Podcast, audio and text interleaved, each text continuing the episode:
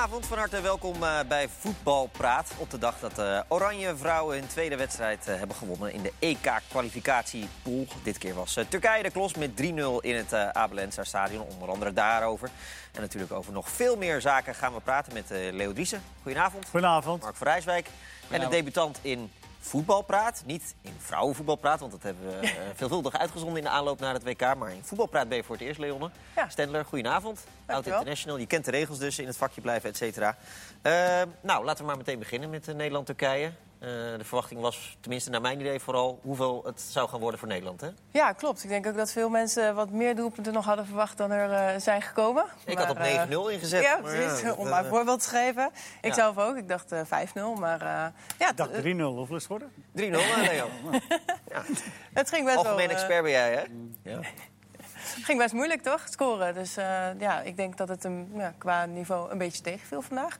En dat het vooral heel druk uh, rondom Berenstein was. En dan is het moeilijk uh, om er doorheen te komen, zo'n Turkse muur. Ja, het ging moeilijk qua scoren. Ging het ook moeilijk qua spel, vond jij? Nou, met vlagen ging het goed. Maar ik denk dat het de baltempo toch nog wel te laag lag. En ja, dat qua positionering, dat er gewoon veel mensen elkaar in de weg aan het lopen waren. En dat, dan maak je het moeilijk voor jezelf. Ja. Dus dat, uh... Maar denk je dan ook dat als uh, Minima had gespeeld, het wel 5-6-0 was geworden? Omdat die denk ik in zo'n wedstrijd nog wat beter terecht komt dan Ik denk ja, dat, dat het moeilijk vindt om in zo'n kleine ruimte uh, ja, snel en kort te draaien. Dus ik kan het wel, maar het is niet haar kracht. En Minima is daar natuurlijk fantastisch in. Die is ook nog eens tweebenig. En wat we van de week vrijdag zagen, ja. die sleep en dan in de kruising. Dat is natuurlijk wel haar spel. En ik had ook wel verwacht dat bijvoorbeeld een Pelova eerder zou komen. Die zou dat ook kunnen uh, in de kleine ruimte. Maar uh, ja, ik denk niet dat Berenstein in dit geval misschien wel de beste optie zou, zou zijn.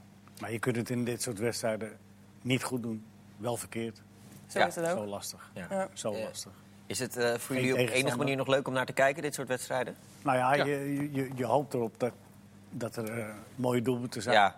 Nou, dat was nou, die, zo, je wel, ja. Dat was wel een hele mooie. Dus dat, dat was een mooi hoogtepuntje. Ja. Maar je rekent op meer, maar je ziet ook wel, je ziet eigenlijk wel na 10, 20 minuten, nou, dat gaat er niet in zitten vandaag. Dan moet je gewoon de dingen blijven. Nee, nee, ik bedoel qua uh, monster scoren. Ja. Ja. ja.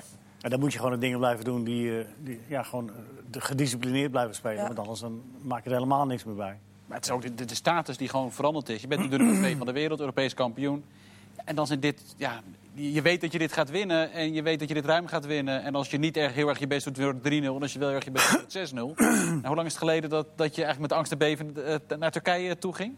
Dat is niet eens zo heel lang geleden volgens mij. Ze hebben, nee, sowieso hebben ze nog nooit tegen Turkije Nee, nee, maar, maar, maar dat soort tegenstanders. Uh, ja, snap ik, dat ja, je dat bedoelt. Ja, ja, nee, maar, uh, dat, dat, dat, niveau, dat, ja. als je ziet waar Nederland nu al is... Ja, het is heel erg veranderd. Weet je, uh, nou, vorige EK hebben we natuurlijk automatisch uh, gekwalificeerd. Maar die keren daarvoor zijn we alle tweede keren in de play-offs terechtgekomen. Dus dat zegt wel genoeg. Dan ben je dus die, niet die drie beste nummer ja. twee, maar die drie daarna nog eens. En ja, dat kun je nu niet meer voorstellen dat dat gebeurt. Want nee, ja, jij kan nog het beste inschatten. Nederland gaat fluitend deze groep winnen? Ja, ik verwacht van wel eigenlijk. Ja, dat, dat zijn ze ook wel aan de stand verplicht, denk ik. Want als je ziet ja. wat Kosovo had van Turkije gewonnen. Met ja. 2-0 volgens mij. Ja, en die hadden vandaag weer verloren. Ja, van Slovenië met 5-0. Ja, dan zou je dus ja. bijna verwachten dat Slovenië misschien wel uh, de betere na, naar Nederland is. Maar het is, zit er het werkelijk geen, zit geen, geen serieuze tegenstander ja. in? Nee, niet, eigenlijk niet. Ah, Rusland misschien Rusland, een beetje. En, maar Rusland is een beetje... Vroeger waren ze wel een, uh, een hele goede tegenstander in vrouwenvoetbal. Maar die zijn een beetje achterop geraakt uh, inmiddels. Okay. Die zijn al een tijdje niet meer op de EK geweest. Dus hm. ook daar zouden we niet al te veel van moeten verwachten. Maar wie weet, Rusland uit zou moeilijk kunnen zijn. Nee, ja. Nederland heeft natuurlijk ook gewoon een, een vrij makkelijke pool. Uh, ja, dat is ook natuurlijk door de loting een beetje ontstaan. Is er wel, wat, want het Nederlands mannenteam wint ook wel eens met 6-0 van Estland. Of uh, wie weet, komende maandag, laten we het hopen. vrijdag uh, ook. Vrijdag ook, ja. Nee, vrijdag, nee, maandag spelen we tegen Estland. Ja, maar vrijdag? Nee, vrijdag gaan we niet met 6-0 Mark. daar, daar durf ik wel geld op in te zetten. Maar er zit er een beetje ontwikkeling in dat algemene niveau van, van andere ploegen. Want we zagen op het WK dat het natuurlijk alle records zijn gebroken. Qua ja. aandacht, qua geld, qua, qua, nou ja, qua dat soort dingen. Zit er ook ontwikkeling in Europa? Qua, qua andere landen? Ja, zeker. Maar dat is ook goed om te zeggen dat dit keer voor het eerst 49 landen meedoen om überhaupt uh, in dat EK terecht te komen. En dat is uh, meer dan ooit. En dan kom, kom, je dit soort landen tegen. En dan heeft Nederland dus de pech of het geluk, hoe je het noemen wil, dat ze daarbij in de pool komen. En dan lijkt het opeens een heel groot verschil. Terwijl je eigenlijk in heel Europa wel ziet dat er een ontwikkeling is. Alleen een aantal landen net even wat sneller gaan dan de rest, zoals in Engeland en in Frankrijk en Spanje. dat, dat zij dus ook al, uh, hoe, hoe matig of hoe slecht ze eigenlijk zijn, ze kunnen wel georganiseerd spelen. Ja. En dan, en dan wordt het toch lastig. Ja. En, maar dat, dat blijkt ook, dat is het, uh, het makkelijkst van voetbal. Hè? Lekker tegenhouden. En, uh... Nou ja, dat vergt wel discipline. Ja. En, en als je er zo weinig van kunt, dan is het een hele lastige klus. Ja. Toch lijkt het me moeilijk voor met name Wiegman eigenlijk... om dat team voor te bereiden richting de Olympische Spelen... als je alleen maar uh, van dit soort wedstrijden hebt. Ja. Ja, het lijkt me ook wel fijn als ze nog wel wat uh, oefenwedstrijden of een Algarve Cup gaan spelen. Waar ze net even wat andere tegenstanders gaan treffen. Want dit, al deze tegenstanders lijken ook wel heel erg op elkaar. Het is niet in één keer een, een, een Scandinavisch land of uh, weet je, even, even nee. iets anders. Maar, dus ik, ik hoop dat er dat soort oefenwedstrijden nog wel gaan komen. Om, uh, ja, om toch even wat andere dingen weer te gaan proberen. Ja. Maar gaan ze niet allemaal, ook, ook al zijn ze kwalitatief wat beter, ook zo tegen Nederland spelen? Omdat dat op de Olympische Spelen bedoel je? Nou ja, ook in de aanloop natuurlijk. Ook sterkere tegenstanders gewoon. Ik denk dat het wel meevalt. Kijk, op, op het WK en ook uh, nou, vorig jaar, Algarve Cup, zijn we ene laatste geworden. Dan zijn er ook landen die echt niet bang zijn voor Nederland en gewoon gaan voetballen, zoals in Spanje. Dus het, ze zullen wel wat beter gaan kijken naar Nederland en nog meer rekening met ze houden. Maar er zijn ook wel echt wel ploegen die gewoon uh, durven te voetballen tegen ze. Ja, zie jij, uh, het is natuurlijk nog kort dag na het WK, maar zie jij uh, veel veranderingen ten opzichte van een, een aantal maanden geleden? Of, of Wiegman is natuurlijk redelijk, die houdt van dingen hetzelfde doen. Ja. Zie je veel, bij haar is één wijziging al vrij spectaculair, maar zie je veel dingen die ze anders doet? Of is het eigenlijk vooral doorgaan op hetzelfde pad? Nou, het lijkt nu wel doorgaan op hetzelfde pad. Dat zie je vooral ook in de formatie en speelstijl. Dat lijkt wel steeds zo'n beetje hetzelfde te zijn. De enige opvallende is dan dat Roort op linksbuiten staat. En die is net even wat dynamischer op die positie dan Martens. Dus die loopt wat meer uh, uh, van de donk een beetje weg te duwen en andersom. Dus dat, dat is heel leuk om te zien. Ja. En vernieuwend. Maar wel, ja, maar dat is een keuze die ze maakt omdat Martens er maar zie jij, niet bij is. Jouw vraag impliceert een beetje dat je vindt dat ze dat wel zou moeten doen? Nee hoor. Veel moeten veranderen? Nee hoor, nee. Ja, waarom zou je heel veel veranderen na, ja. uh, na dit WK? Maar waarom stel je de vraag dan? Omdat je uh, vaak, wat ik altijd leer, is als je, je moet dingen veranderen om beter te worden. Of je, als je hetzelfde blijft doen, dan, dan uh, zie je stilstand, toch? Je hoort altijd van teams die het goed doen op een WK. Uh, je moet een beetje, een beetje vernieuwen, althans, om, uh, om weer goed te blijven presteren. Tenminste, dat, dat lees ja, ik Je ziet vandaag debutant natuurlijk ook. Ja. Uh, misschien meer nog dat, dat, wat langere speeltijd geven in een wedstrijd ja. waarbij je denkt... ja goed, Turkije thuis, dat, die win je ook met een andere rechtsback en een andere linksback... en een, misschien een keer iemand anders op rechtsbuiten proberen. Ik zal, ik Waarom? Zeg maar wat. Nou ja, om te kijken of die speelsters de stap al kunnen zetten. Ja, maar welke, sta, welke stap zet je nou als je tegen een heel zwak land speelt? Welke stap zet je dan? Dan heb je in ieder geval al. Het is beter om tegen een zwak land te beginnen dan als je, als je straks een keer nodig hebt tegen Frankrijk. Ja, en het is ook een keer goed om gewoon alternatieven te testen. Weet je, wanneer doe je dat anders? Ja, op de training is het toch anders dan een wedstrijd waar het, het zijn dan makkelijke tegenstanders, maar nee, het maar, gaat wel ergens om. Nee, als je speelt tegen een zwakke tegenstander, zoals Turkije en, en Estland ook, dan, dan is het toch uh, ja, hooguit om een, een interland gespeeld te hebben, maar dan. Da, wat schiet je daarmee op? Nou, maar, Dan kun je beter, beter uh, uh, je vastigheden erin blijven slijpen. Ja. En dat alleen nog maar meer en meer blijven doen. Nee, maar, uh, tijdens het WK hield het voetballen natuurlijk niet over wat betreft de vrouwen. En toen was er wel eens de roep om bijvoorbeeld spitsen te vervangen door Roord... en dan met Groene op die plek te gaan spelen voor de verdediging. Dat soort zaken zou je kunnen proberen. Ja. het is goed om te weten ook hè, wanneer een spits een keer uitvalt... of wat voor reden dan ook. Je moet een alternatief hebben en ja... Dat maar moet dat, maar dat, zijn. Dat, dat, ik kan me voorstellen als je tegen sterke tegenstanders gaat spelen. Want dan kun je, dan kun je iemand testen. Ja, het liefst natuurlijk ja, maar doe je dat. Je Alleen speelt, je speelt die tegen, heb je nu niet. Dus nee. ja, wanneer doe je het anders? Dan zou ik nou ja, zeggen... Waarom zou je het dan doen? Ja, omdat dat is mijn je, vraag. Omdat je het ook tegen de sterke tegenstanders doet. Omdat je het moet doen, überhaupt. Of het nou een, een, een, een sterke of een zwakke tegenstander is. Ik denk dat je altijd rekening moet houden met scenario's. En als je de kans hebt, dan moet je andere Ja, mensen... maar die, je hebt die spelers al geselecteerd of je kent ze op, basis van de prestaties die ze verrichten bij een club. Ja. Competities die, uh, in wedstrijden die vaak lastiger zijn dan deze interlands. Ja. Dus dan weet je het toch? Dan hoef je toch niet Nee, wisselen om het wisselen? Het, het, mooie voorbeeld daarvan is vorig jaar Algarve Cup, tweede wedstrijd. Alle wissels in één keer erin gezet. En dan wordt er een oefenwedstrijd gespeeld. Zo van, nou, we kennen deze, deze spelers, dit moeten ze wel kunnen. En het loopt niet. Omdat... Nee, maar dat is toch logisch? Je kan een, heel team wisselen. Dat, is, dat, werkt niet, nee, klopt. Dat... Maar je moet wel dat... iemand uh, in een team mee laten spelen... om dat wel een keer te hebben meegemaakt, denk ik. Je kan niet zomaar dan... Stel je voor, op de Olympische Spelen, je hebt dan iemand nodig... die heeft nog nooit in dat team gespeeld. Dat kan toch nee, niet? maar nog nooit is wat anders dan dat je... jullie, jullie impliceren, of uh, Milan begon daarmee van... je nee. moet wisselen Om, eh, eh, en denk je, nou, daar zou ik maar heel voorzichtig mee zijn bij nationale teams. Dan zou ik heel mondjesmaat doen. Ja, maar ik bedoelde ook niet Omdat een heel je- team hoor, maar één of twee ja, nou trek je een eh. beetje terug. Nee, maar, Nee, nee, nee. Zelfs als je met de mannen met Bonjan Malen... Dan zeg jij eigenlijk, eigenlijk zou hij dan tegen Duitsland... Het is prima om die tegen Duitsland zijn debuut te laten maken. Terwijl ik denk, als je nou van tevoren... Nee, maar, nee, maar ik zeg maar even. Als je hem nou te- van tevoren het had laten oefenen tegen Griekenland... Ja. Voor de podcastluisters, Leo knikte nee, eh, schudde nee, van nee. Nee, Ja, maar dan zou- ik zou zeggen, laat hem lekker dus juist niet. Laat hem, een keertje, laat hem een keertje invallen of debuteren tegen Griekenland. Tegen de mindere tegenstanders. En dan kijk je of hij dat niveau aan kan. En of je hem Ja, eventueel ik vind het zo'n onzin om te kijken of hij dat niveau aan kan. Je weet toch dat hij dat niveau aan kan? Want, Nee. je- want anders Nee. selecteer je hem niet. Nee. Nee, want de competitie is niet hetzelfde als een, als een interland. Ja, maar een interland tegen Griekenland is, is, eh, eh, is, is Nou, qua goed, we snappen elkaars eh, punt. Het is, het eh, het, eens worden. Duidelijk. En het bruggetje is op zich ook wel mooi gemaakt. Want eh speelsters die Meer gewoon midden in zouden... de zin. Wil je je punt nog even afmaken? Nee, Leo? klaar. Oké. Want de speelsters die eventueel zouden moeten komen... zouden eh, komen ook af en toe uit de Eredivisie vrouwen natuurlijk. We hebben het Abelensa stadion gezien. Dat was weer helemaal uitverkocht. Wat betreft aandacht voor de Oranje vrouwen zit het wel goed. Ja. Ehm, de Eredivisie is de afgelopen zomer veel over gezegd. Nou, nu moet dat volgen. Want met die vrouwen, met het Oranje zit het wel goed. Ehm, zie je verbetering? Zie je iets Ehm, van... Nou, op het progressie? eerste oog is er natuurlijk, nou, natuurlijk zeg ik, nu even nog niks te zien. Ik denk dat dat dit seizoen de veranderingen waar eh, de KNVB een plan afgelopen mei eh, voor heeft de wereld ingegooid. Dat moet het komende seizoen, seizoen en de komende seizoenen moet dat eruit gaan komen. En dat heeft te maken met dat ze nu met kwaliteitseisen werken en eh, een lange termijn plan en visie hebben. Eh, maar dus, ja, dat zie je niet gelijk. Ik hoopte dat er afgelopen zondag een, een, of de week ervoor moet ik zeggen, een samenvatting van, eh, van Ajax was. Hè. Ze moesten op, op zondag spelen, maar eh, dat ging toch niet door. Of dat was, daar was geen sprake van. Want voor de duidelijkheid, het werd aan een paar, een paar weken geleden aangekondigd. Ja. Eh, vaste samenvatting van de Eredivisie vrouwen wedstrijd op Ja, zondag. ja, en dat zou natuurlijk ook weer een grote stap zijn om het zichtbaarheid te hebben. Maar dat gebeurde niet. Maar dat, ja, dat zijn natuurlijk dingen waar aan gewerkt moet worden. Eh, en ik denk dat dat ook wel in de plannen staat. Maar dat is er dus nog niet. Dus wat Nee. ik zeg, ja, nu... Ik, ik zie het nog niet. Nee. Ik hoop dat het nog komt. Kijk, wij bij Fox denken er natuurlijk ook over na om het, eh, om het uit te zenden. Maar het is een beetje kip en ei. Eh, op het moment dat het niveau nog niet goed genoeg is... kan het ook schade toebrengen, toch? Eh, eh, Ja, maar ik, waar ik wel benieuwd naar ben, want je ziet in het buitenland zie je wel sommige positieve ontwikkelingen. Ik las vorig seizoen de ene week, het record werd in Spanje gevestigd dat er 30.000 mensen zaten bij een vrouwenwedstrijd en de week daarna waren het er 40. Ja. Is, is dat, nou, jij kent ook iemand eh, die in Ja, Spanje speelt. zeker. Maar is dat, is dat dan standaard daar? Zijn ze daar dingen anders aan het doen in Nederland? Want daar, die, nou ik bedoel, in Nederland zijn we wel blij denk ik als je een paar duizend mensen langs de lijn hebt.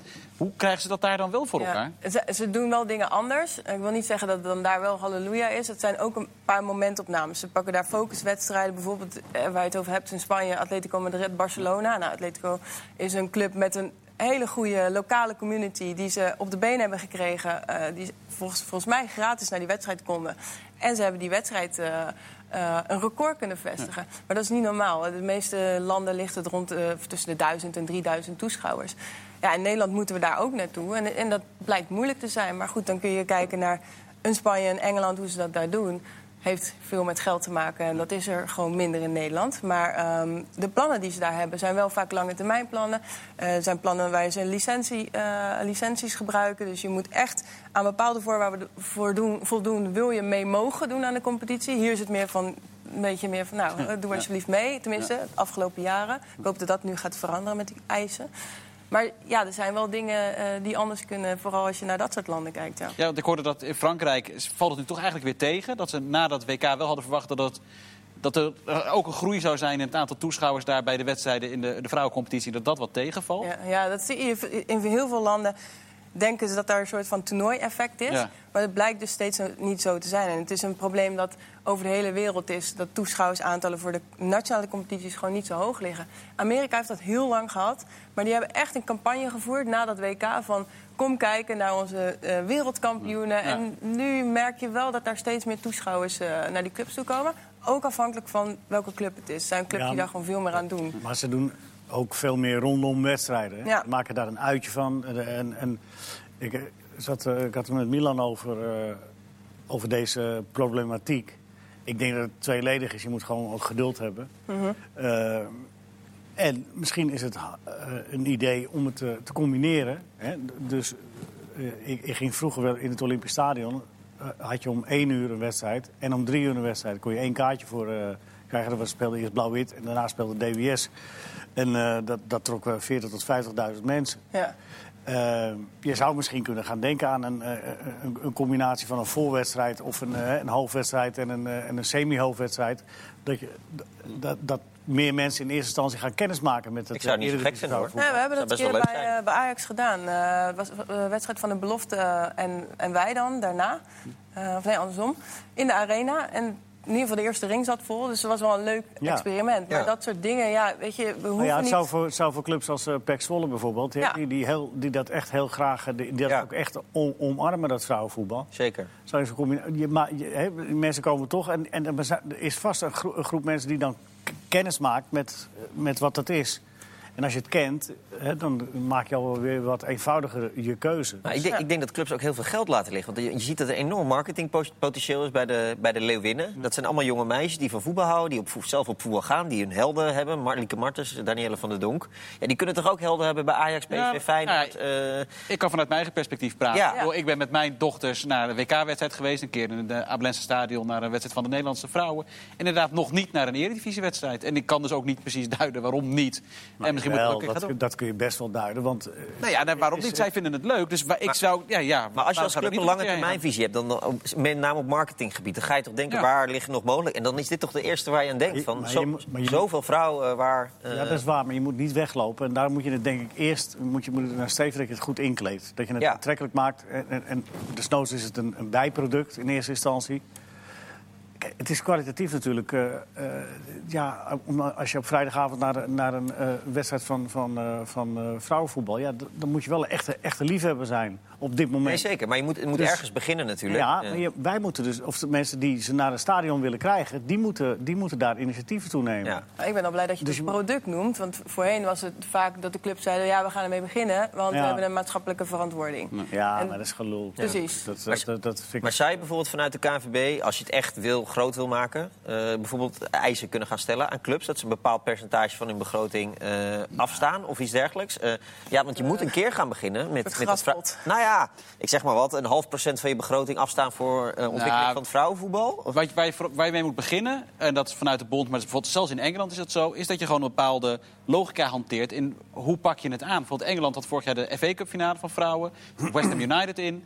En eh, dat, die speelde dezelfde dag als de mannen. Die hadden een wedstrijd. En die mannen. West Ham heeft toen een verzoek ingediend of de wedstrijd van de mannen eerder gespeeld kon worden. Want bijna al die supporters wilden eigenlijk naar beide wedstrijden toe. Maar die zeiden, ja, als je moet kiezen, gaan ze wel voor de mannen. Maar ze wilden daarna ook heel graag naar die vrouwen Ja. eh, FA Cup finale. En daar, heeft- daar heeft de FA Cup eh, daar is toen nee tegen gezegd. Eh, door de Premier League. En dus is dat niet doorgegaan. Dat heeft gewoon toeschouwers gekost. En dat soort dingen, daar moet je veel beter naar kijken. De WK-finale voor vrouwen dit jaar die was heel slecht gepland natuurlijk. Tegelijkertijd Ja. op een dag met andere grote toernooien. Waar, hoe kan je daar het voor elkaar om een FA Cup finale vrouwen te plannen... op het moment dat er ook Premier League wedstrijden worden gespeeld? Maak daar iets van. In Nederland kan dat ook allemaal nog veel beter. Dat soort dingen kunnen al sowieso beter. Ja. Verder moet je geduld hebben. En, en, en, en- want dat, dat, het wordt vanzelf, nou niet vanzelf. Maar als je het goed blijft stimuleren, wordt het voetbal... eh, Ja. gaat- de kwaliteit gaat... gaat Ja, maar het is zoveel helpen als Ajax en Feyenoord en PSV er echt, er echt even eh, wat, wat geld in steken. En ja, ik ben er echt van overtuigd dat het zich terug gaat betalen qua marketing eh, over een paar jaar. Ja. Ja. Maar, Ja. En ik zou, ik zou het voor, vooralsnog eh, daar waar het kan inkleden, inpassen bij, eh, bij, bij andere wedstrijden. Ja, Ja, en ook Oh. gewoon kijken naar je doelgroepen. Nu zag ik bij eh, in Engeland dat ze een. ze hebben gewoon echt een hele app gemaakt van de FE. Waar je gewoon korte video's kan zien, samenvattingen. Eigenlijk alles wat je zou willen zien van, de, eh, van het nationale team, van de eerste twee competities. Dat is natuurlijk ook nieuw. Wat, ja, dat zou in Nederland ook bijvoorbeeld perfect kunnen zijn. Om in ieder geval iets te kunnen, kunnen laten zien. Daar hoef je geen televisiezenders voor, eh, voor te gebruiken. Maar dan heb je wel je eigen platform. ja, en in Engeland moeten ook alle speelsters fulltime, gewoon die bij een club spelen, fulltime zijn. eh, gediplomeerde coaches. Ja, daar zitten wel wat eisen aan, ja. Ja, eh, lange adem. Ja, Er ook wat meer centjes daar in Engeland. Ja, dat is het ook. Dat maakt het eh, een moeilijke vergelijking. Goed. Eh, het EK gaan we halen, geloof ik, hè? Ja, als we dat niet halen, dan eh, heb ik nog wat schoenen op te eten, denk ik. Ja, heb je, heb je het al een aantal keer gezegd? Ja. Prima. Eh, en de Olympische Spelen, dat wordt natuurlijk eh, zeer interessant. eh, Mooi dat we daar voor het eerst zijn. Ik eh, kijk er wel naar uit. Ik denk wel, we hebben echt heel erg eh, natuurlijk dat eh euforische gevoel van eindelijk mogen we meedoen aan de Olympische Spelen. Maar ik- ik ben een beetje bang dat het misschien tegenvalt. Omdat het WK natuurlijk eigenlijk veel groter en... en, en eh, Het gaat in ieder geval Ja, heel dat, heet zijn eh, daar. Dat ook, ja. Het is echt bizar. eh, Welke Zou niks voor jou zijn, hè? Zou niks voor jou zijn, hè? Nee. Voor mij ook Nee, niet. maar, maar, voor, oh nee, voor jou ook nee, niet. maar voor, elke, voor elke topsporter is het eh, gewoon... Ja, ik kan wel zeggen, ja, top, topsporters moeten daar tegen kunnen. Zal ook wel. Maar kom op, hé. Ja. Het is eh, vochtigheid. Niet ideaal, nee. Nee. Nou, wel een mooie kans En voor de, een en- de medaille. eerste keer dat Tokio de Olympische Spelen kreeg, in het begin jaren 60, hebben ze de Olympische Spelen in oktober gehouden. hè. Want toen hielden ze gewoon nog, omdat de commercie allemaal niet zo. hielden ze gewoon rekening met onder welke omstandigheden. Daar was jij nog bij, hè? Kun je het beste. Ja, ik was, eh, ik was toen eh, was bijna gestopt met voetballen. al. Nee. Ja, mensen, Oh, die ja. grapjes allemaal. Zo, zo flauw, zo flauw. Nee, nee, nee, maar, maar ik bedoel, snap je, het werd gewoon in oktober gehouden. Ja. En toen Ja. was het weer een beetje beter. En nu, eh, ja, nee, omwille van de commercie, pas, boem. Goed. Dat vinden we allemaal maar normaal. We sluiten het vrouwenvoetbal af. We hebben nog anderhalve minuut. En eh het tweede deel oh, gaan oh, we, dat gaan, deel. Oké. gaan we over andere zaken praten. Die, eh, gok ik, met het eh, mannenvoetbal Zijn nog te maken heeft. kijkersvragen? Er zijn kijkersvragen. Ik kan er wel even eentje bij pakken. Ook over, over het vrouwenvoetbal. eh, niet over het vrouwenvoetbal, sorry eh, jongens. Wel, eh, Daan die vraagt of Twente dit seizoen in aanmerking komt voor een plek in het linkerrijtje. Ja. Lijkt me wel, hè? Zeker. Twaalf clubs in het linkerrijtje zet. Nee, maar die hebben, ze- Nee, ik denk het ook hoor. die hebben, er wel, die hebben zich eh, goed versterkt. Ja, ik zeg niet dat ze het lekerrijtje sowieso halen.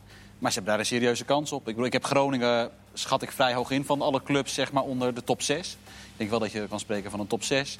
En zit, zit, bijvoorbeeld- maar Groningen staat, draait ook nog niet eh, briljant qua resultaten. Ja, en Twente, die, eh, die Nee, ik heb, eh, ik heb Twente eh, twee keer gezien. Eén keer uit bij Groningen en nu thuis tegen Utrecht. En, die, en tegen Schalke vriendschappelijk. Dus ik heb ze zelfs drie keer gezien. Geen idee. Nee, maar ik vind, nee, nee, ik vind die Garcia, die heeft, hij heeft een bepaald idee erin gebracht. En Ja. mouwen opstropen. Gecombineerd met een idee. En daar kom je een heel eind Ja, mee. ze de hebben PSV gehad, wat je zegt. PSV, Groningen uit, Utrecht. Het is niet alsof ze een heel makkelijk programma eh, al hebben Ja. gehad. En de, de punten die hebben ze al gehaald. Ik, Ja. eh, het En hij komt zit- ook gewoon zo rustig en cool over, die, eh, die Garcia. Ja. Kijken hoe het gaat met de achterstanden. Maar Nee, precies. Hij heeft nog niet verloren, dus wat dat betreft. Nee, maar alle respect, want er zit dus echt Ja. wel een goed Top. ideetje achter. Straks meer kijkersvragen. U kunt ze nog stellen. Tot zo in deel 2.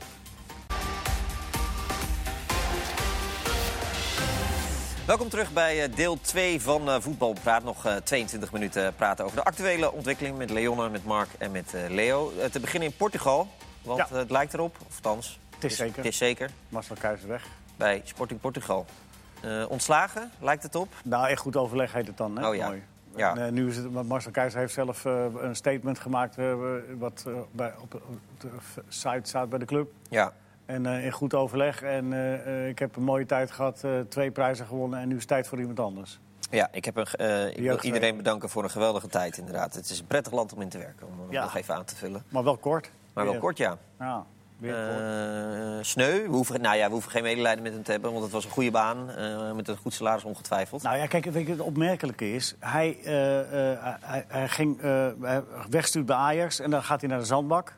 Ja, En eigenlijk zou die, eh, was hij eh, lang in overleg met, met eh, clubs in, in de eredivisie na Ajax, hè, met, met, met Excelsior.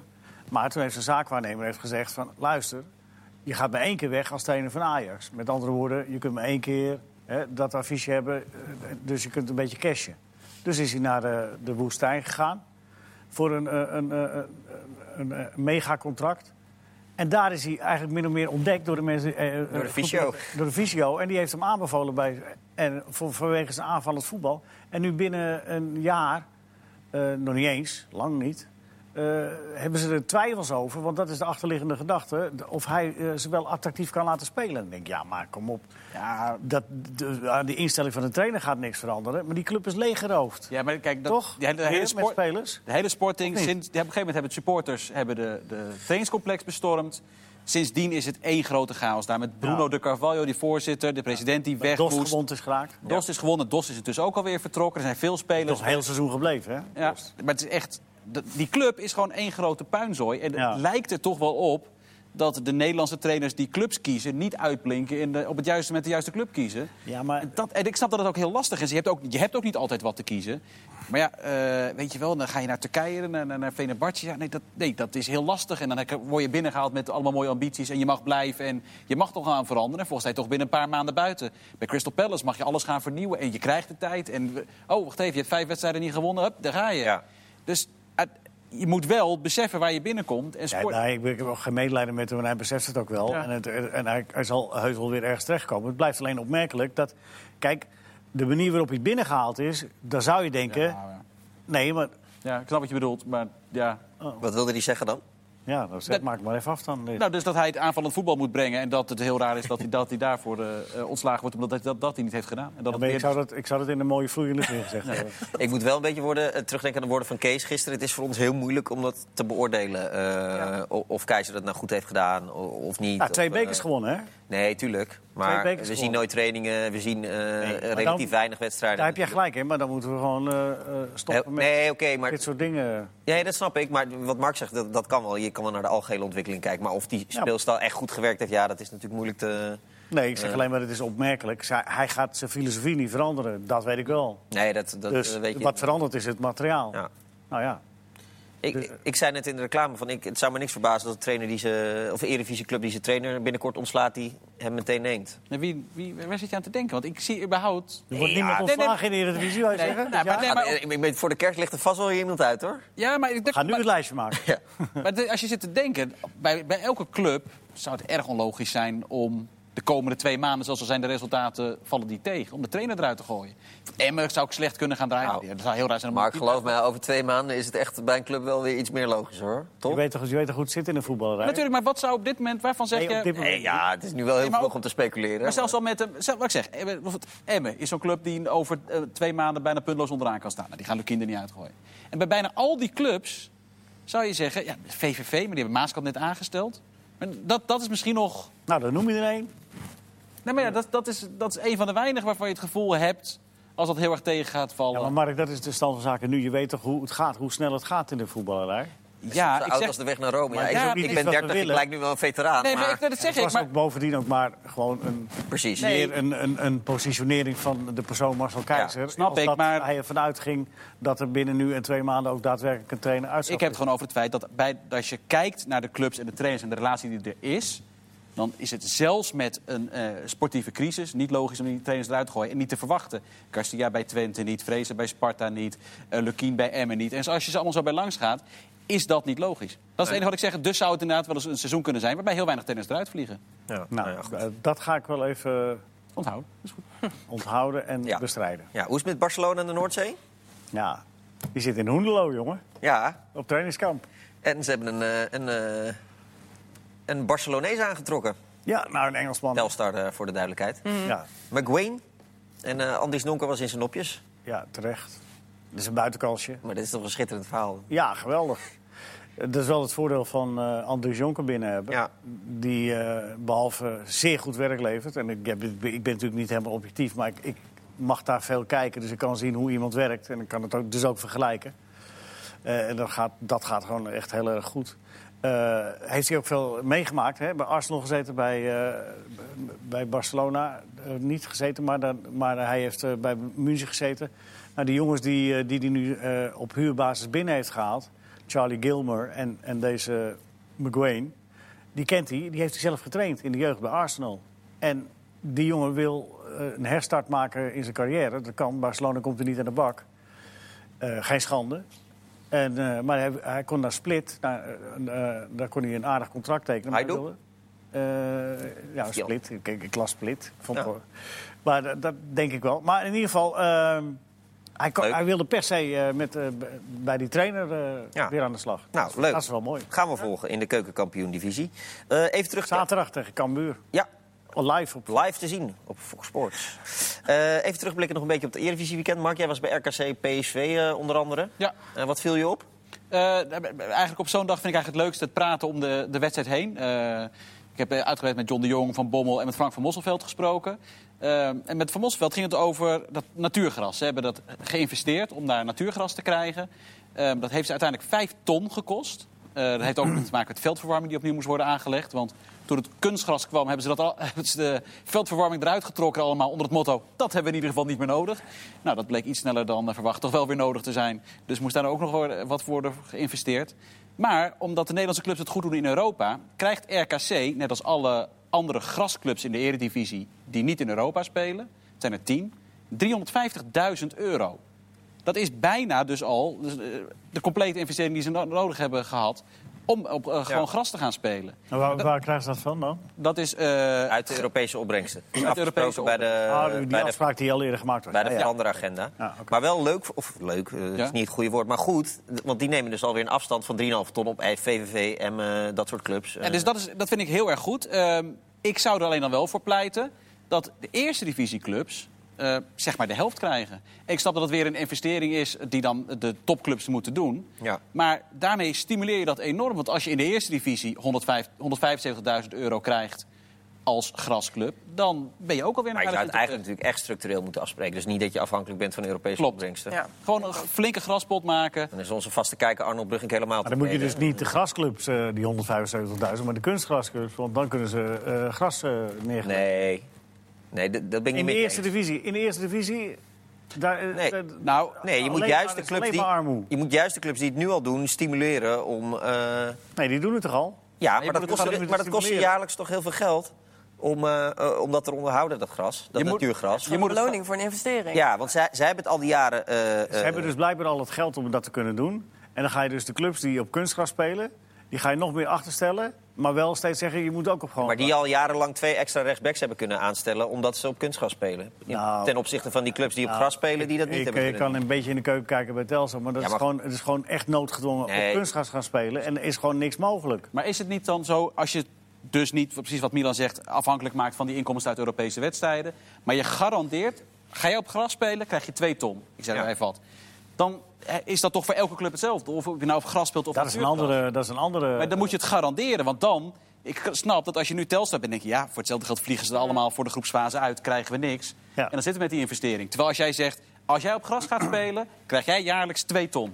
Nou, dan, dan wordt het al een stuk interessanter. Maar kijk, bij RKC, hè, is, het is de prijzen dat ze ervoor gekozen hebben... om de binnenkomende centjes eh, op die manier eh, te herinvesteren. Dat valt te prijzen. Maar er zijn ook wel heel veel centjes binnengekomen. Hè? Nee, dat is ook zo. Het is ook niet te vergelijken situatie. Dat stadion is, eh, is door Ben Mandenmakers uiteindelijk helemaal. En ze zijn, eh, zijn eh, de afgelopen tien jaar op alle mogelijke manieren steeds weer geholpen. Want ze zijn geloof ik wel 45 keer failliet geweest in die periode. Maar het is goed dat ze dat nu op die manier doen. Maar die mazzel moet je wel hebben. En dat je er ook nog eens een keer een paar miljoen krijgt... omdat eh ene Frenkie de Jong ooit een shirt heeft eh, aangehad. Waar je ook eigenlijk... Ja, naar- maar een club als Dordrecht bijvoorbeeld, die, die heeft nu een natuurgras wat de prijs is. Maar die kan denk ik minder, eh, die kan niet in nog even allemaal extra spelers halen omdat ze op gras spelen. ja, Dus dat die moeten daarvoor gecompenseerd worden, vind ik dan. Ja. Maar eh, goed. Eh, verder nog wel iets opmerkelijks bij eh, RKC, PSV? Eh, Wat was het met die briefjes? ja, de Dumfries. eh, Briefjes lijken heel boekwerk. Boekwerk. ik, ik heb Van Bommel ook na afloop gevraagd Oh. waarom met name Dumfries En een wat stond briefje erop? moest krijgen. Want ik dacht, ja, je bent een rechtsback, die blijft rechtsback. Maar er stond inderdaad vooral op dat hij niet te veel mee naar voren moest. En eh, wanneer hij uit de rug van zijn tegenstander eventueel moest komen. Maar uiteindelijk is het verhaal natuurlijk van die briefjes... is dat je niemand in het veld hebt die het doet. Dat Van Bommel enorm moet coachen...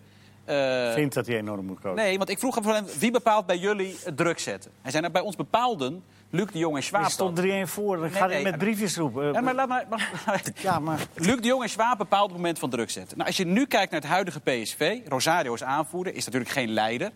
En dat zie je heel veel in de Eredivisie. Daar is gewoon een structureel gebrek aan.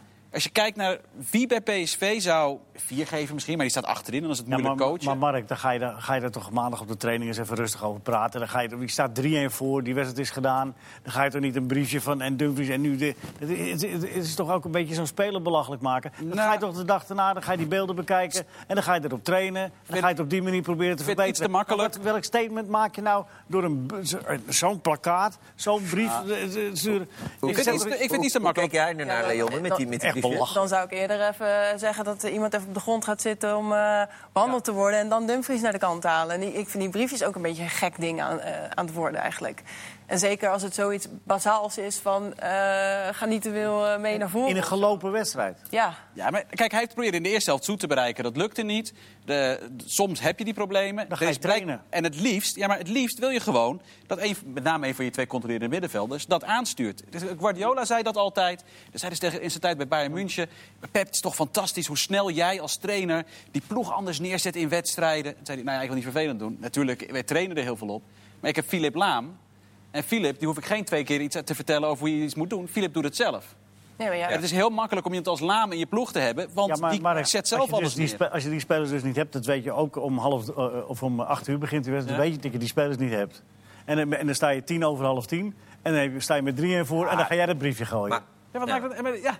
Maar ik toch heel logisch dat jij probeert iedereen op de juiste plek te de zetten. Als, volgende dag dat wij dat niet zien. maar ik niemand vind, in het veld Ik dat vind het doet. best wel schokkend dat de nummer 2 van vorig jaar... eh, en, en een titelkandidaat geen spelers heeft die dat zelf kunnen Ja. oplossen in het veld. nou, viergever zou dat, moeten kunnen. dat, dat is nog eens iets Maar- anders. Maar hij moet het niet alleen moeten doen. De, de voorste linie moet ook iets doen als je druk wil zetten. En er moet Ja. contact zijn. En dat vind ik zo gek dat er gewoon... Ja, ik vind het niet gek als je kijkt naar wat er staat. Dan zou ik ook niet iemand kunnen noemen die dit dan met viergever zou moeten doen. Want het, Maar Leon, iemand als Bergwijn, die, jij zei zijn honderdste wedstrijd afgelopen zondag. Die zou dat toch moeten nou international? ja, ik denk misschien, eh, die heeft het zo druk met hoe moet ik lopen op de teampositie... eh, dat hij misschien helemaal niet doorheeft eh, ja, wanneer de druk gezet moet worden. Misschien is het heel Ja, het is ook niet zo'n type maar... speler natuurlijk. Er Maar zijn sowieso maar heel weinig voetballers, zeker eh, eh, deze generatie, en dat is helemaal geen verwijt, die met andere dingen bezig zijn dan met zichzelf. En zeker jonge spelers. Je, je bent- praat echt over extra kwaliteit. Spelers die ook het zicht hebben op hoe een heel elftal eh, beter kan worden tijdens een wedstrijd. Dan vraag je nogal wat. Maar mede daarom is Schwab natuurlijk teruggehaald. En los van zijn doelpunten, Luc de Jong en zijn belang... kan je daarmee... Het is bijna onmogelijk om, te- om dat eh, te overschatten. Hoe belangrijk Luc de Jong was in alle opzichten. Hoe vaak ik me niet heb verbaasd. Dan stonden ze met 5-0 voor, had hij nog niet gescoord. Maar stond hij in de 89 minuut nog een bal weg te koppen uit zijn eigen 16... Om en weer mensen op de juiste plek te zetten. Ja, en dat heeft PSV nu nog niet. En dat, ze kunnen daar wel naartoe uitgroeien, ja.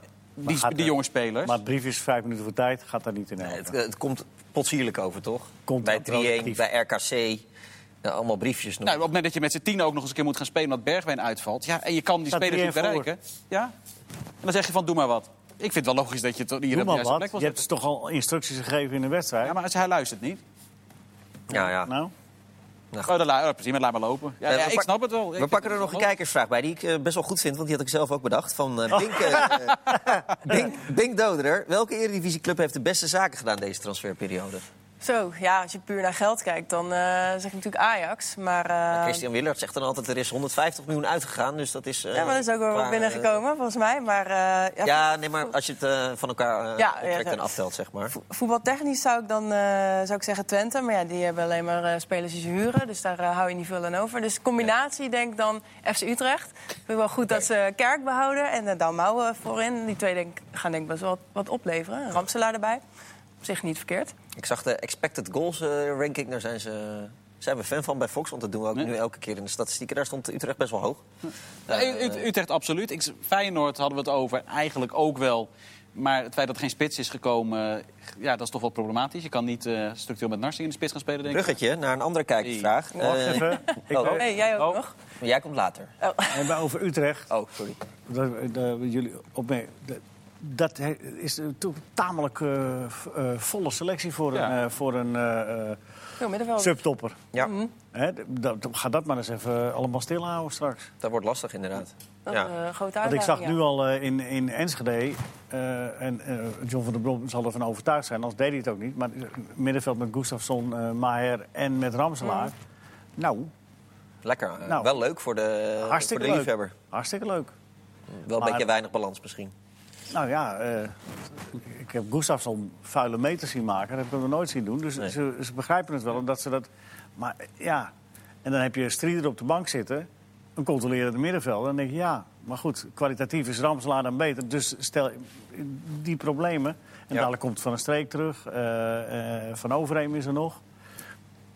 Je kunt ook zeggen, het is een luxe probleem. Maar ik denk dat dat geldt als je een topclub bent. En Ja. als je daar een beetje tegenaan hikt... en je hebt spelers van veel dezelfde... Hè, er valt voor de een wat te zeggen, maar er valt voor de ander ook wat te zeggen... dan is dat een zware taak volgens mij als trainer. Ik denk dat jij wilde zeggen dat Feyenoord het, eh, als we dit twee maanden geleden hadden gedacht... dat het Ja. er nu zo uit zou zien, dat het er best wel goed uitziet. Qua Nou ja, als je nu. eh, Daar, je hebt natuurlijk straks in principe Karsdorp, Senesi, eh IE achterin. Haps, Haps, En Haps, ja. dat klinkt als een vrij behoorlijke achterhoede ten opzichte van wat het inderdaad... Tapia, Ver, Kukcu, Toornstra is natuurlijk ook best wel goed middenveld. Ja, en dan voorin Berghuis, eh, en dan Larsson of Sinisterra. En dan als Jurgensen er weer is. Maar ja, dat, En dat Niels, zeg ik. eh, verwachten jullie dat Feyenoord nog een transfervrije spits op gaat pikken? Ja, dat wordt ja, ja, ja Als nee. Noem eens wat namen, Mark, van mogelijke kandidaten. Nee, ja, nee, daar- zo, ja, die Boni wordt dus nu genoemd, maar die is volgens mij niet fit. Nou, Nee, jij hebt op de Afrika Cup, toch? Ja, die was heel slecht. Nee, dus, dus, dus ja, maar, dat, natuurlijk, maar daar zijn Maar ze Rob gewoon mee Jansen kan nog even gaan zoeken voor een transfervrije spits. Wie weet vindt hij nog. Maar zijn ze De ook hele mee lijst. Heb je nagekeken hoeveel spelers er wel niet transfervrij zijn? Ja, Ja. HTB en Arfa kwamen net achter. Ja. Dat zou toch wel fantastisch zijn. Ja. VVV, dat hij met Lee Kettermol en HTB en Arfa op het middenveld gaan spelen. Ja, Ja. dat lijkt op zich eh, helemaal geen slecht idee. Ja. nee, ja, nee, precies. Ehm, eh, even door. oh, wie was nou eh, jouw transferperiode winnaar? Even kort dan. Nee, eh, eh, Die had jij niet. ik vind dat, ik vind dat nog, nog niet te zeggen. Jij vond dat geen goede vraag. Jawel, hartstikke goede vraag. oké. maar, maar eentje waar je een ongelooflijk lang artikel over kunt schrijven. Ja. Met alle voor's en tegen. Daar, daar heb jij dan wel eigenlijk wel weer gelijk. in. Nou goed, dan nog één kijkersvraag van, eh, van eh, Patrick. Er is wel een heel leuk verhaal over, over die Wanyama. Die Victor Wanyama van... eh, Oké, vooruit. Nou ja, dat moeten de mensen eigenlijk ook maar lezen. Maar lees het Oh. maar na. De, de, de, de Club Brugge heeft eh, vanaf begin augustus geprobeerd om die Wanyama binnen te halen. Het is echt een enorme soap geworden waarom dat uiteindelijk niet is gelukt. Maar het leukste is dan dat uiteindelijk dan bij eh, de, eh, hoe heet het, de, de, de, de leiding van Club Brugge zegt... dat hij, hij wilde op het laatste moment wilde hij dan wel komen. En er moest van Tottenham Hotspur moest... club moest meebetalen aan wat eh, Wanyama nog eh, te goed had bij Spurs. Dan is het eh, club het hakketak boos. De speler vraagt daarop nog meer geld. Onder meer een extra contractjaar en hele, volledig medisch verzekerd. En dan zegt die manager van Club Brugge... je kan je broek wel een beetje laten zakken, maar er zijn grenzen. Dus Wanyama komt niet, Waarvan, uiteindelijk. waarvan akte? Waar, welke, kunnen ze het lezen? Laatste nieuws? Of het nieuwsblad? Dit is het nieuwsblad. Nieuwsblad, Nieuwsblad. prima. Eh, Leonne, ik, ik stelde eh, ook een vraag die ik eigenlijk wilde stellen. Maar Patrick deed het. Wie moet de Depay flankeren bij Oranje aanval? Waarvoor, ja, waar zou jij voor gaan? Ja, goede vraag. Ja, ik wil nog niet Malen al brengen. Nee? Nee, ik denk dat dat nog wel ietsje te vroeg is eigenlijk. Ik hoop wel dat hij gaat invallen. Maar eh, dan denk ik wel maandag. Nog niet Ja. vrijdag. Ja, Estland staat gelijk aan Griekenland, dus dat eh, kunnen we Precies. Onderop. Precies. Griekenland Europees kampioen geworden ooit hebben. Ja. Onderschat ze niet hoor. Nee, precies. Dus Babel kunnen we misschien invullen, omdat Koeman Ja. meestal niet Ja. zoveel wijzigt. Eh, en voor wie Ja. zou je dan daarna gaan? Ja, ik vind Berghuis wel een goede vorm eh, verkeren. Dus eh, misschien die eerste keer van rechts. Ja, lijkt jou dat logisch? Of, Ja, of maar zou ik je zou voor Promes gaan? Ik zou Berghuis niet, eh, wel verstandig vinden, ook vanaf die rechterkant. Ik zou ook Berghuis verstandig vinden. Maar Koeman kennende gaat hij voor Promes. Ja. Gaat niet te veel wijzigen. Ik, ik, ik, zou, ik zou voor Malen gaan misschien wel, toch wel. Met snelheid tegen die Duitsers. Hij is bloedsnel namelijk, hè? Ja, maar ja. Ja, Berghuis is niet op de counter... eh, Jullie hebben eerder in, de, in, de- in dit eh, prachtige programma gezegd van eh, je moet eh, ze voorzichtig brengen. nee, daar was ik het niet mee eens. Oh, oké. Nee, maar goed, dat, dat gaan we... Kijk het maar na, mensen. Het zal wel Berghuis eh, of Promes worden, inderdaad. Goed, dan gaan we afwachten. Gaan we de komende dagen veel verder over praten. Richting, Wat gaan ze eh, doen? Wat gaan ze doen tegen Duitsland? 1-1. Oh, klaar. Nee, ik denk dat we Jij? Hè? Wat ga jij zeggen? Ik uh, gluiperig winstje. Gluiperig winstje. Ja, Zo, ik heb die selectie Ik denk gezien. dat we gaan verliezen. Ik, ja, maar kijk, Timo Werner die is wel redelijk in vorm. Dus het zou wel handig zijn als we die afstoppen. Maar ik bedoel, als je, als je de selecties naast elkaar legt... Vroeger, wel, eh, zeg maar drie jaar geleden, dacht je dan... Oh jee, Duitsland. Nou, ik vind niet, als je de naam voor naam Nee. naast elkaar legt... dat Duitsland zoveel beter is dan Maar ik Nederland. moet nog denken aan Jammer, eerste helft in hè? Je de, hebt nog niet gezegd. 2-2. in, Hoppakee. de eerste helft in de Johan Cruijff Arena. Dat was echt Ja, verschrikkelijk. ja, Ja, ik maar, hoop ja, dat ze geleerd maar hebben. toch. Nee, maar, maar toch. Ja. Maar toch. Eh, wat was kansen. nog dingen kwijt? Wat was, Icardi wilde je nog iets over de... Nou, Icardi vind ik een vrij aparte, ja, vrij aparte transfer. Dat je Neymar hebt, kwijt wil omdat hij voor onrust in de kleedkamer zorgt. En dan besluit de grootste problemenmaker van heel Europa binnen te halen. Misschien heft het elkaar op. Ja, misschien, of dat gaat samen denk ik heel, heel erg goed. hè? Maar wat, wat ik ik denk opvallend dat vond... Wanda gewoon naar Parijs wilde. Dat denk ik ook. Ja. Wanda heeft er wel wat over te zeggen. Ja. Dus die gaat waarschijnlijk de Parijse talkshows wel Dat denk eh, ik ook, ja. bezoeken. Maar wat ik op, het ging natuurlijk heel erg over de licht na afle- afloop van Juve Napoli. Want dat was allemaal niet zo briljant. Maar Lozano debuteerde, deed dat fantastisch. En ik, denk dat dat fantastisch is ook voor de eredivisie. Want ook de buitenlandse spelers die naar het buitenland gingen, zoals Jaan Baks... Nou, dat is allemaal geen succes geweest. En het, het zou wel handig zijn als dat soort spelers eens een keer echt meteen slagen in het buitenland. Want dat levert ook meer status op. En uiteindelijk hogere transfersommen ook voor die, die spelers. En dat eindelijk eens een keer... Ja, ik zie het, 16 seconden. Gaat er Ja, goed komen. Hij moet nog afsluiten. Dat komt allemaal Dat goed. is helemaal goed. Maar het zou het- heel goed dat een grote buitenlandse voetballer... bij een grote buitenlandse club Ik slaat. heb nog een transfer nieuwtje. Leona, leuk dat je er was. Thanks. En tot morgen.